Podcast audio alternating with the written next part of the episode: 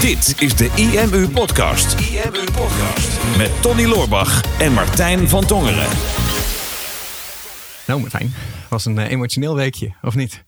Nou, ik vond het verschrikkelijk.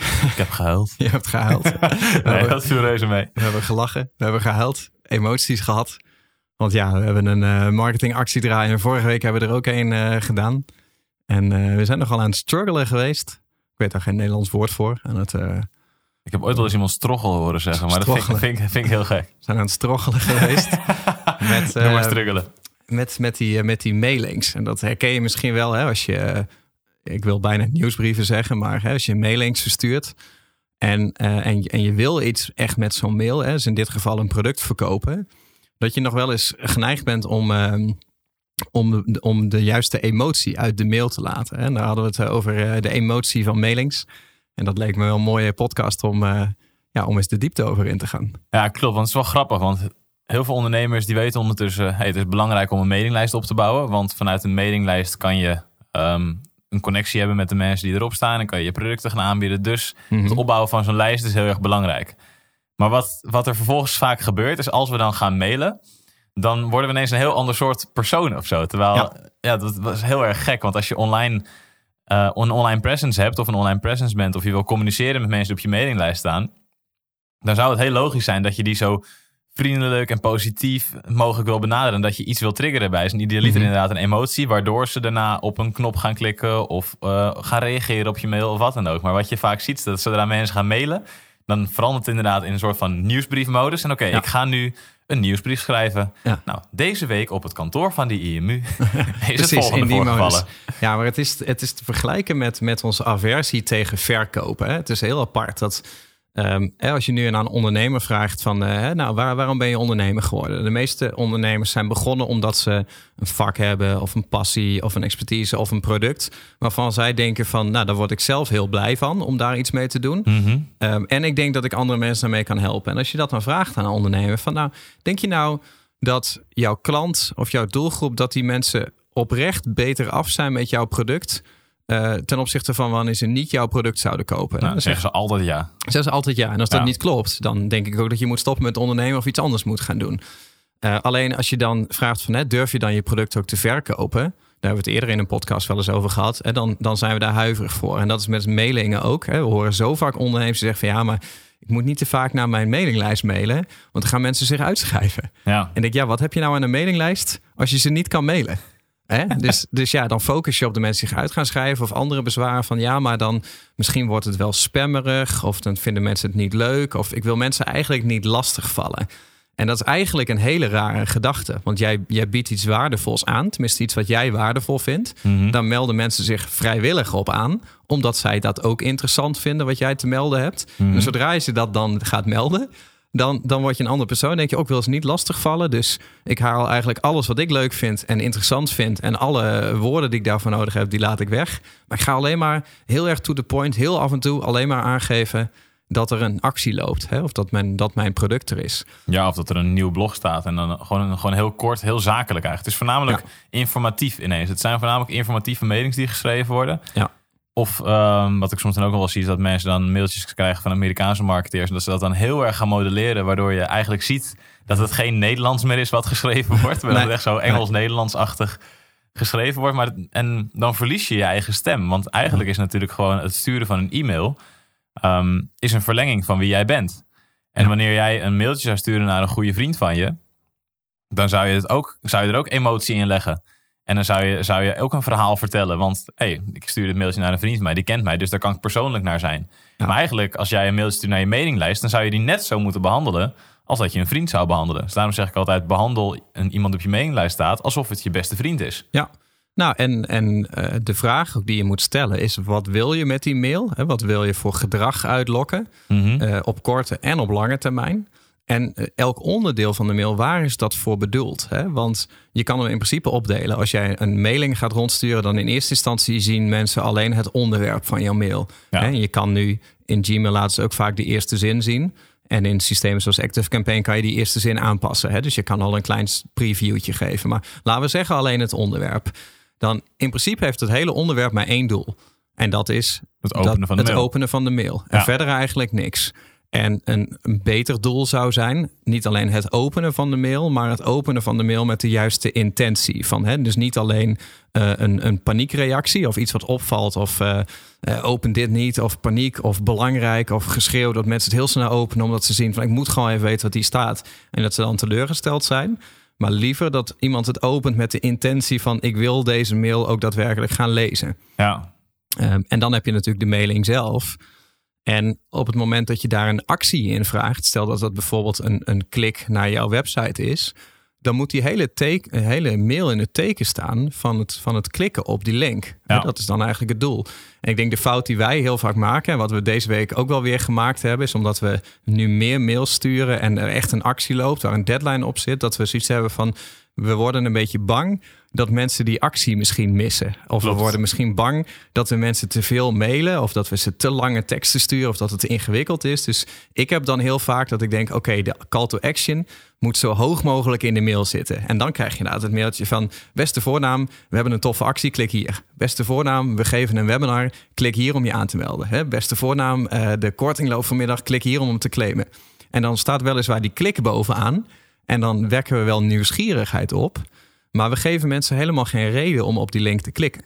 Nee, klopt. En dat, dat is natuurlijk een van de belangrijkste dingen. Want als je kan met, met je e-mail één doel hebben. En dat is sowieso een belangrijk om het even te noemen. Dat je per mail maximaal één doel zou moeten ja, hebben. Klopt, ja. Ik zie nog wel eens, wel eens mails voorbij komen. Als ik dan sta ingeschreven op mailinglijst van onze klanten of zo. Dat er dan bijvoorbeeld drie verschillende linkjes in staan. Die naar verschillende soorten pagina's leiden. Dus drie verschillende acties. Mhm. En dat er dan onderaan de mail ook staat. Oh, reageer trouwens even met wat je hiervan vindt. Oh ja, en klik hier ook nog even op. Nou, dan kan ik je garanderen. niemand gaat erop reageren. En waarschijnlijk gaan er ook heel erg weinig mensen klikken. Ja. Want uiteindelijk is het doel van je mail vaak gewoon één actie. Want als je geen doel hebt met je mailing, dan kan je hem beter niet sturen. Klopt. Dus je wil sowieso iets triggeren bij iemand. En dat en vaak zorgt het ervoor, als wanneer je een emotie zou triggeren met je mailing, dat er dus iemand gaat klikken of dat er iemand gaat reageren. En dat is uiteindelijk het, het, het einddoel van die mailing natuurlijk. Hè? Maar Mhm. ja, als iemand inderdaad klikt vanuit een paniekreactie, dus je hebt Mhm. een headline en iemand opent hem en iemand klikt, zonder echt al, al voorbereid te zijn op het klikken van die link, ja, dan hebben ze misschien helemaal geen interesse in jouw product. En Ja. het is wel grappig, want ik ben zelf ook heel lang gefixeerd geweest op die, op die statistieken natuurlijk. Hè? Want je werkt dan met een e-mail marketing provider en dan heb je een open rate en je hebt een click-through rate. Mhm. En dan stuurden wij mailings voor een webinar bijvoorbeeld, waarbij wij in de headline zeiden: hey, we geven een webinar. En dan was de open rate bijvoorbeeld maar 15%, wat veel lager is dan het gemiddelde. En dan dacht ik, ja, de open rate gaat achteruit, er is iets mis met de e-mail marketing provider of wat dan ook. Ja. Terwijl eigenlijk het helemaal niet gek is dat die open rate lager is, want lang niet iedereen is misschien geïnteresseerd in zo'n webinar. Klopt. En als mensen dus zien van, oh, er is een webinar en die klikken erop. Hey, dat Mhm. zijn de mensen die precies dat stukje interessant vinden. En als mensen dan het, de informatie over het webinar lezen of de reason why, waarom ze zich zouden moeten aanmelden voor zo'n webinar, omdat zij er heel veel van zouden kunnen leren. Ja. En ze dan klikken, ja, dan, dan is, zijn de stappen daarna, die zijn dan eigenlijk niet meer zo spannend. Omdat ze eigenlijk al de beslissing hebben genomen vanuit de mail, vanuit de onderwerpregel, intentie, oh, webinar, oh leuk, dat wil ik misschien wel bijwonen. Ze lezen Ja. de e-mail, ja, wil ik bijwonen en dan klikken ze. En dan is het heel erg logisch dat die mensen zo heel erg warm zijn voor zo'n webinar. Ja. Maar ja, als wij inderdaad een paniekmailtje zouden sturen en een hele algemene tekst, maar wel gewoon zorgen dat zoveel mogelijk mensen zouden klikken op zo'n link, daar heb je helemaal niks aan. Nee, maar dat is eigenlijk onze stelregel is informatie leidt tot analyse, emotie leidt tot actie. Ja, En misschien omdat voorheen, omdat eh, er waren, werden eigenlijk geen webinars gegeven toen wij daarmee begonnen.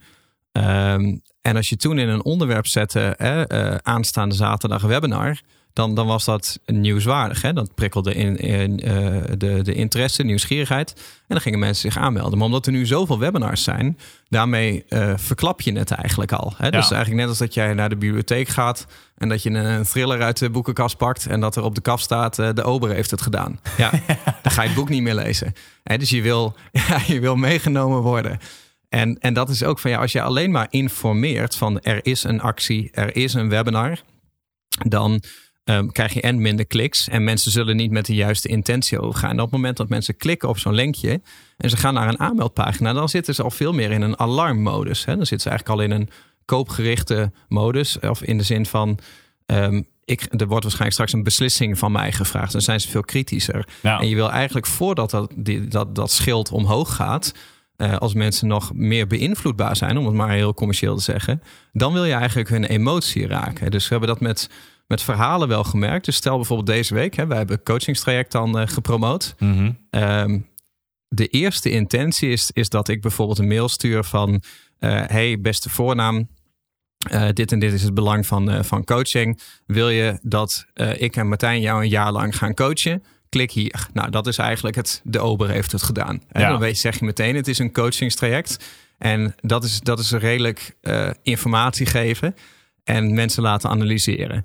Maar op het moment dat je daar een stuk storytelling voor plakt, hè, wat we nu hebben gedaan. Hè, dus, dus je, je stapt even over die verliesaversie heen. Dat mensen niet meteen een linkje zien, maar dat ze echt moeten lezen en moeten scrollen. En dat de helft van de lezers de onderkant niet gaat halen als je dat durft los te laten.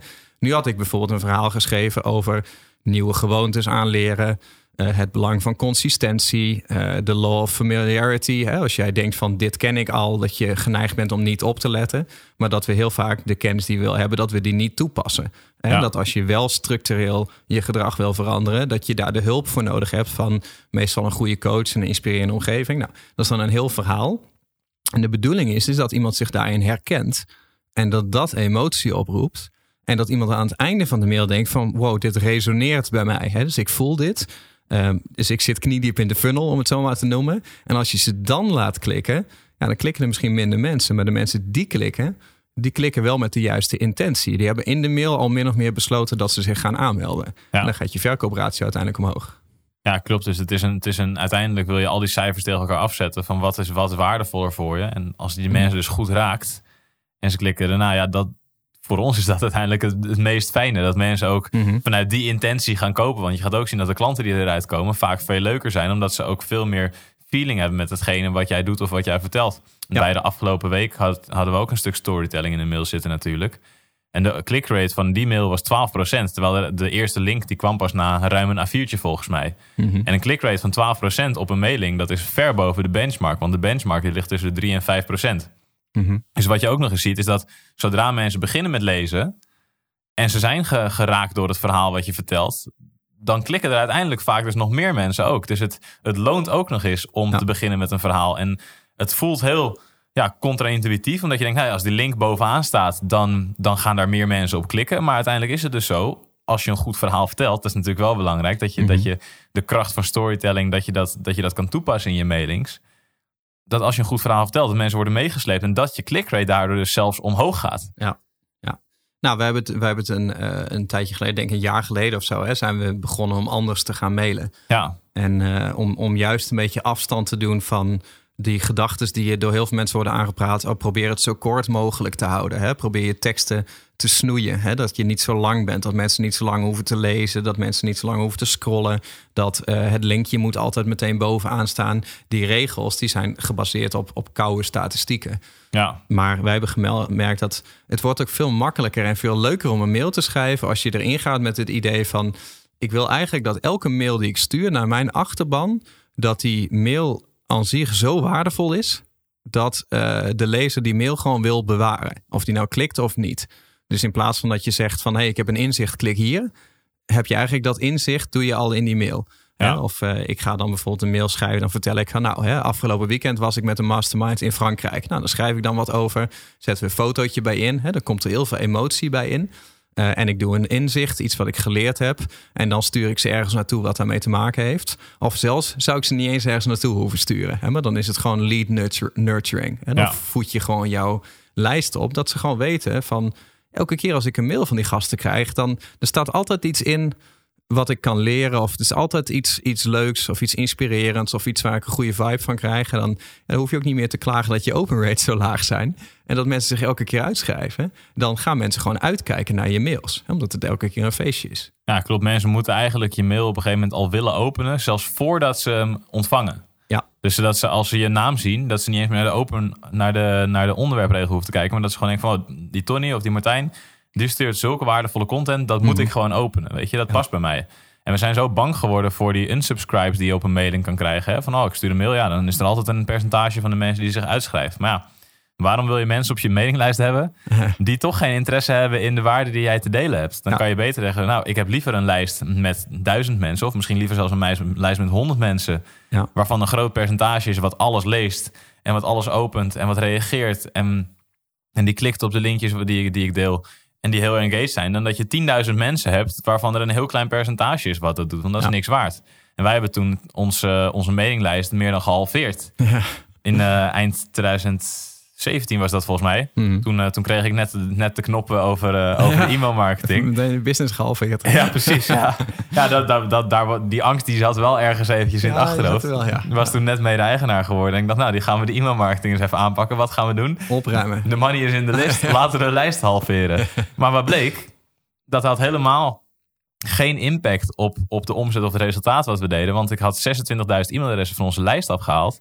Maar dat waren e-mailadressen die al ruim een half jaar of ruim een jaar niks geopend hadden van ons. En dus niks geklikt hadden. Maar wat gebeurt er met e-mailmarketing als je gaat mailen naar mensen en er wordt nooit iets geopend of ze verslepen naar de spam of het komt op een gegeven moment in de spam, dan wordt je open rate wordt steeds lager. Dat wordt herkend door de e-mailmarketing servers, waardoor ze jouw mails die je gaat sturen steeds vaker in een spambox gaan zetten. En het Ja. zorgt er dus voor dat als jij mensen op je lijst hebt staan die al heel lang niks openen, dat ook bij de mensen die op een gegeven moment je mails wel willen ontvangen, dat die daar ook in de spambox terechtkomt. En toen dacht ik, oeh, dat is niet best. Dan kunnen we beter al die mensen die sowieso al een hele tijd niks geopend hebben eraf gooien. Zodat de mensen die onze mails wel willen ontvangen, dat die in ieder geval netjes in een inboxje krijgen en niet in een spambox. Ja. Ik ben wel benieuwd hoe vaak je nu het woord open rate hebt genoemd in deze podcast. Daar kun je turfjes bij zetten. Ja, dat- Ja, en ik kan er een heel vies grapje over maken, maar dat ga ik niet doen.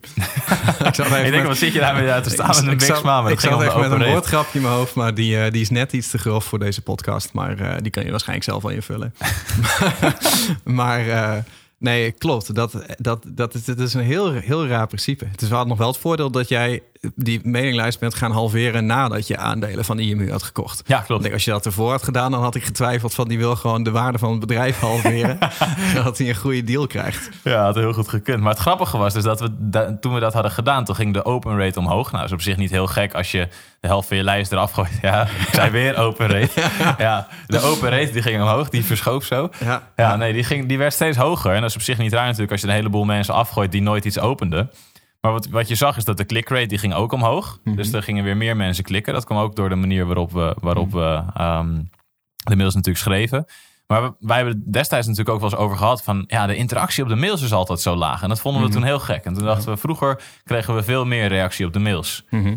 Maar ja, onze manier van mailen was eigenlijk in de loop der jaren ook een beetje veranderd natuurlijk. En waar we achter kwamen is toen we weer meer persoonlijk gingen mailen. Dus toen jij je verhalen ging vertellen, toen ik mijn verhalen ging vertellen en daar dan Ja. een link aan koppelde. Kregen we ineens weer vet veel reacties van mensen. Van hey, herkenbaar verhaal en wat leuk. En mensen die weer echt de engagement opzochten. Dus Ja. de engagement van onze mailings ging ook weer omhoog. Omdat we veel persoonlijker gingen mailen. Dus ineens stroomde de inbox weer vol met reacties van mensen. Mhm. Ehm, het type mensen wat klant werd, was ineens weer veel meer op de hoogte van wie wij zijn en waarom wij doen wat we doen. Omdat we het weer een stuk persoonlijker hadden gemaakt. Ja. Dus ik denk dat de kracht van het persoonlijke zo belangrijk is als je mailtjes gaat sturen. Want mensen die krijgen ondertussen honderden mails per dag in hun inbox. Mhm. En ja, probeer dan maar op te vallen. Ja. Weet je, de kans is zo groot dat ze je mail überhaupt niet zien. Maar stel dat ze je mail wel zien en openen, dan kan je maar beter een emotie triggeren waardoor ze je onthouden. Dan wanneer het gewoon een zakelijk mailtje was. En dan de volgende keer, dan, ja, dan openen ze je toch niet. Ja, maar het rare is dat, dat we eh, inderdaad zo krom denken dat we, als we bij onszelf kijken van eh, wat, wat heb ik nou het afgelopen eh, jaar allemaal gehoord aan marketingleuzen en mailings en teksten en producten en video's en podcasts. Wel- Welke heb ik nou onthouden? En dan, dan weet je van jezelf, ik heb eigenlijk alleen de verhalen onthouden. En de verhalen onthouden we, praktische informatie onthouden we niet. En ik krijg elke keer als wij zo'n emotiemailing sturen, dan krijg ik elke keer reacties op. Ik kreeg nu had ik dan hij- een mail was eh, die van maandag, die was drie kantjes. Tja. En er stond één zin in dat ik het had over mijn, eh, mijn fitness. Hè, dat ik eh, jarenlang drie tot vier keer per week vast gesport heb. En ik had daar ingezet van eh, nu door eh, persoonlijke omstandigheden is dat sport even op losse schroeven komen te staan. Nou bedoelde ik daar de persoonlijke omstandigheden van de trainer mee en niet die van mij. Maar ik heb het van twee mensen een bericht gekregen van hey, ik las persoonlijke omstandigheden. Ik hoop niks ernstigs. Is er iets? En ik denk, dat heb je er dan dus uitgehaald. Ja. Eh, en dat is ook, ik heb nu ook heel veel berichten gekregen de afgelopen week van mensen die allemaal zeggen van oké, je had het eh, over eh, nieuwe gewoontes, hè, schermtijd beperkt en wat ik ook in de vorige podcast zei, social media beperkt. En dan krijg ik allemaal berichtjes bij wie dat geresoneerd heeft. ehm, die, die dat eruit hebben gehaald. Maar ik heb nog nooit in mijn leven gehad iemand die zei van... hey, ik zag laatst in de mail van, van jouw webinar... dat je het ook ging hebben over interne links. Dat, eh, daar moeten we het nog eens een keer over hebben. Dat, is, dat, dat is praktisch, dat is niet Ja, emotioneel. klopt. En het aparte is, en dat is een hele gekke wet, die ik heel lang niet begrepen heb, maar ik heb nu gelukkig gevonden waar dat door komt. Wij hebben heel vaak gehad hè, dat wij, ehm, zeg maar, in het heetst van de strijd, hè, wij, wij maakten iets mee in een week, of we liepen ergens mee rond. Iets was heel actueel bij ons en dan verwerkten we dat in een mailing. Ja. Bijvoorbeeld, al we hadden, we hadden een mastermind en we hadden dit inzicht. Of eh, we hebben een mailing gestuurd en nu hadden we dit inzicht. En dan mailen we dat en dan komt daar heel veel tractie op. En, en heel veel eh, actie ook, hè? heel veel sales. En dan vervolgens kopiëren we die mail letterlijk. En die zetten we in een autoresponder. Ja. Met, met dezelfde deadlines, alles gesimuleerd. En dan gebeurt er ineens niks meer. Ja. En dan denk ik, maar het is toch exact dezelfde tekst. Alleen, we zijn een jaar later inmiddels. En wat er dan gebeurt, is een fenomeen. En dat noemen ze eh, limbische resonantie. En dus je hebt in je brein heb je het limbische Hij heeft systeem. een woordje gegooid. Ik heb weer een woordje. ja, dus we Limbische we resonantie. gaan, we gaan echt een soort van podcast bingo maken. limbische resonantie. Ja, redundantiereductie. Welke Ja. aflevering was dit? Ja, we hadden al laterale inhibitie gehad. We hebben al horror gehad. Redundantiereductie. Nou, nu gaan we het over het limbische systeem hebben. Want het limbische systeem is eigenlijk... ehm, ja, eh, de, de verzameling voor jou, jou, het emotionele stuk van je brein. Hè? Dat is verantwoordelijk voor het, het opslaan van je emotionele herinneringen. Dus daar zit jouw eh, herinnering van genot hè, en plezier. Mhm. En trots en motivatie. Maar daar zit ook je herinnering van, van pijn. Emotionele herinneringen. En eh, nou is er een fenomeen, en dat is onder zoogdieren, dus onder mensen, maar ook onder andere dieren. Dat is het limbische resonantie. En dat laat eigenlijk zien dat op het moment dat jij een bepaald iets voelt en op dat moment meemaakt, dat dat resoneert met jouw eh, soortgenoten. Mhm. En dat is, dat is een heel interessant fenomeen. Dat is, laat in de evolutie van mensen zien dat terwijl bepaalde homo sapiens wereldwijd op de planeet nog nooit elkaar ontmoet hadden, nog nooit contact hadden gehad, hè, de Indianen met de mensen die in Australië woonden, toch op ongeveer hetzelfde moment in de tijd tot dezelfde grote doorbraken kwamen. Hè. Omdat het op de een of andere manier resoneert. En dat is ook dat je als je iets echt gewoon vanuit een pure emotie schrijft, van dit voel ik nu, dan Ja. gaat dat tussen de regels door resoneren naar een luisteraar. Hè? En dan, dan, dan komt dat veel meer binnen. Dus je bedoelt dat dat dus... Want de tekst is nog steeds hetzelfde. Maar je bedoelt dus dat ergens er een soort van energie is... waardoor andere mensen dat ook voelen? Is dat, is dat Ja. wat je probeert te zeggen? Want Ja. ik geloof daar, daar op zich wel in, in, in dat soort energie. Maar ik vind het ook... Ik kan het niet uitleggen of zo, weet je wel. Dus nee, maar dat daar een wet voor is. Ja, er is, er is volgens mij is er ook zo'n zo'n zo'n serie op, op Netflix. Die heeft er ook zo'n aflevering over, over acht individuen wereldwijd. Oh ja, die eigenlijk ja. dezelfde dingen meemaken terwijl ze elkaar niet kennen. Dat, Ja. dat is op dat principe gestaafd. Hè? Die aflevering heet ook Limbic Resonance. Ja. En het laat eigenlijk zien, je hebt zeg maar je vaste herinneringen van, van genot en plezier. Maar er zit ook een, nog, een, nog iets omheen wat eigenlijk niet tastbaar is. En dat resoneert. Het wordt, wordt beschreven, is heel mooi, als een symfonie van wederzijdse uitwisseling. Dat is eigenlijk wat het is. Hè? Wederzijdse uitwisseling van, eh, van niet vast te leggen emoties. Hm. En dat zou ook verklaren waarom zeg maar een mailing die wij nu sturen, nu met emotie, dat die mensen grijpt. Denk, oh, daar ga ik nu actie op ondernemen, want emotie is actie. En dat als die mailing al een jaar verouderd is en dus automatisch verzonden wordt zonder dat wij daarmee bezig zijn, dat die heel anders binnenkomt bij mensen. ja, bizar. Ja. Ja, Ja, haal ik er even bij. haalt hij er gewoon even bij. Ja. Ja, gelukkig is het wel mogelijk om alsnog emoties te triggeren vanuit een autoresponder. Ik zit er eens te denken, nou die autoresponder kunnen we doorstreven. Maar dat is natuurlijk ook niet, eh, niet nee, het zeker, geval. zeker niet. Maar het, Daar het kan je heel veel leuke, leuke dingen mee doen. Maar het, is, Ja. het, het, verklaart, het zou wel iets een en ander verklaren, ja. Ja. Nou, het is meer, het betekent niet dat je, dat je alleen maar op dat principe moet staven. Maar het is eigenlijk een extreme eh, bijkomstigheid die aangeeft hoe belangrijk het eigenlijk is om altijd gewoon eh, vanuit jezelf te schrijven voor iets wat je op dit moment bezighoudt. Iets wat jou op dit moment inspireert. Waar op dit moment een fijne vibe bij zit. En zodra je gaat merken wat wij eigenlijk deze week en vorige week ook een beetje hadden. Hè, dat we bij de mailings er een beetje tegenop zagen. Van nou moeten we nou nog een keer gaan mailen. Wordt het niet te commercieel? Vallen Aha. mensen niet lastig? Ehm, weet je, we willen ook graag weer waarde gaan sturen. Ik denk, ja, je hoeft helemaal niet een, een splitsing te maken tussen waarde en commercie. Je kan gewoon altijd gewoon letterlijk mailen wat je op je lever hebt. Ja. En, en je heel kwetsbaar opstellen. En daardoor juist de mensen raken die, die, die, ja, die met jou resoneren op dat moment. ja, de mailing eh, die we volgende week gaan sturen over deze podcast, die schrijft zichzelf nu ongeveer. Ja, en we gaan het noemen? Limbische resonantie. Limbisch- ja, ik, ik weet niet wat de operate, operate daarvan, eh daarvan Laten we het zijn. open rate noemen dan. Ja, de operate. Open deze podcast, gaan we hem noemen. Ja. Ehm, ja, dus dat. Zo ben je er ineens helemaal uit. maar ja, want morgen gaan we natuurlijk ook nog een aantal, aantal eh, mailtjes versturen. Ja. Omdat we de actie gaan sluiten. Ja. En dan zit je inderdaad ook van ja, je, je, wil, je wil hem eigenlijk niet Mhm. te hard maken. Mhm. Maar je weet ook dat, dat door dat te doen, of door, door wel commercieel te zijn, Mhm. dat we mensen ook weer een duwtje in de rug geven. Dat is eigenlijk Ja. altijd een beetje de, de, de tweestrijd daartussen. Want ik kan me voorstellen dat je dit luistert en je denkt, ja, maar als jongens, als jullie het niet leuk vinden om zoveel te mailen, doe het dan ook niet. Nee, klopt. Mail, mail dan niet. Mail dan niet. Maar, maar ja, wij weten ook als we in een actie zitten, dan nemen we mensen wel mee in een bepaalde flow natuurlijk. En Ja. ja, ik voel me altijd verplicht om, om mensen te helpen om zo'n beslissing te nemen. Omdat ik weet dat ook de actie die we deze week doen gaat over ons coachingstraject van dit jaar. Mhm. Ja, daar kunnen we mensen enorm goed mee helpen. En Mhm. ja, ik, ik wil mensen dat duwtje in de rug geven om in te stappen. Omdat ik dan weet dat wij ze dit jaar echt een hele grote stap voorwaarts kunnen laten maken. Maar Ja. de uitdaging daarin blijft inderdaad van oké, hoe zorgen we ervoor dat de mail zelf aan zich eigenlijk waardevol genoeg is. Mhm. En dat die mail, mail ook genoeg tot de mensen spreekt. En dat het niet alleen maar is, hey, er is een deadline, klik. Ja.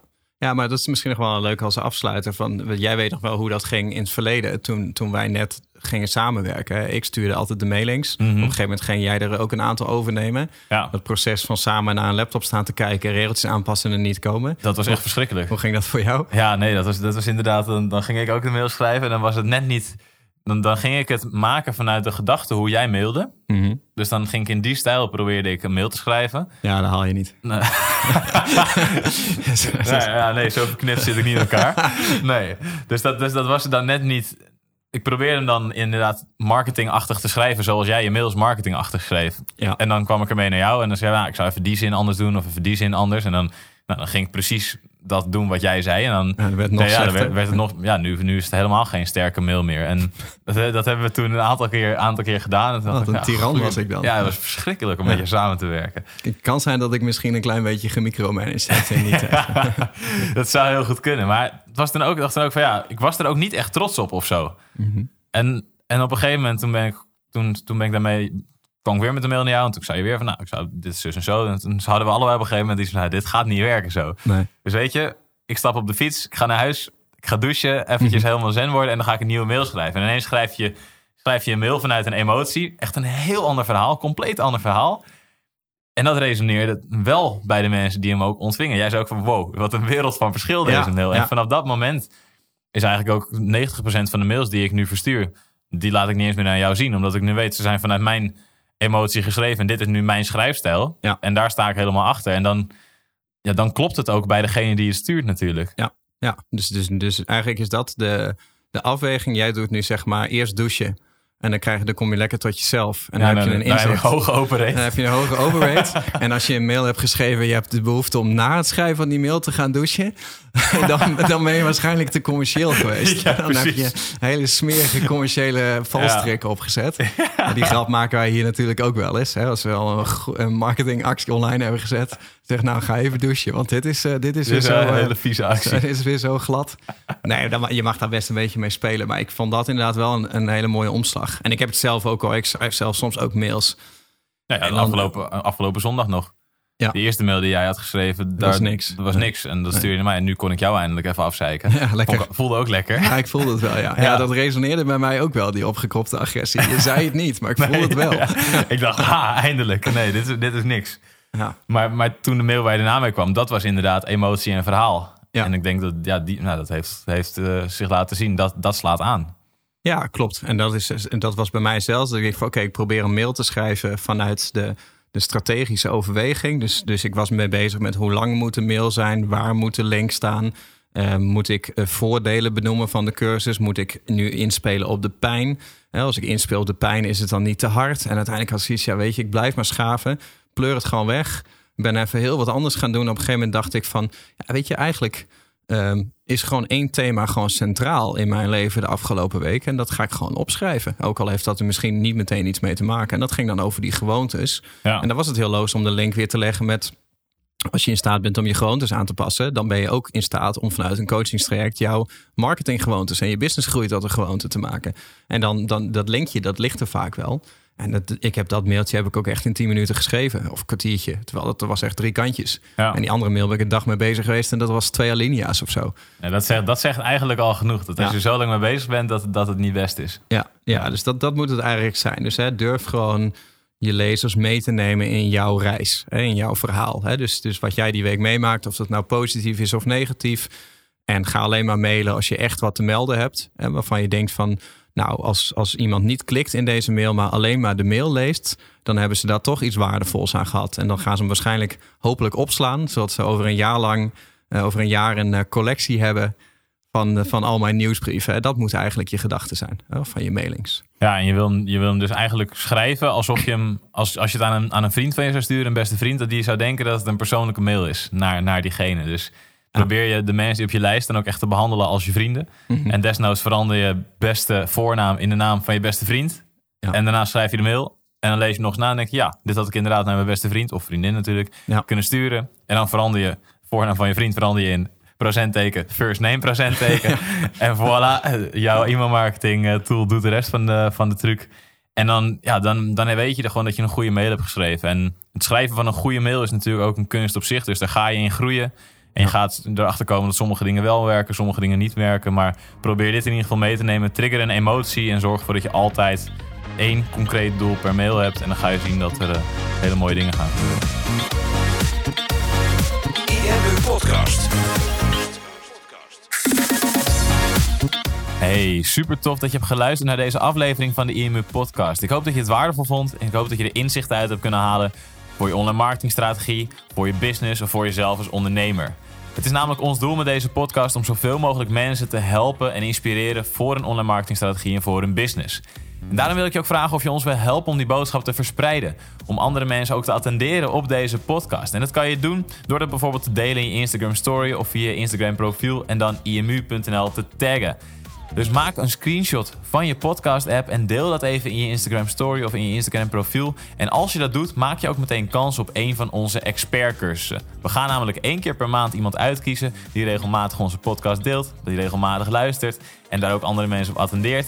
En die krijgt dan een gratis expertcursus van de IMU naar keuze. Dus maak even een screenshot van je app, tag imu.nl zodat wij het ook zien.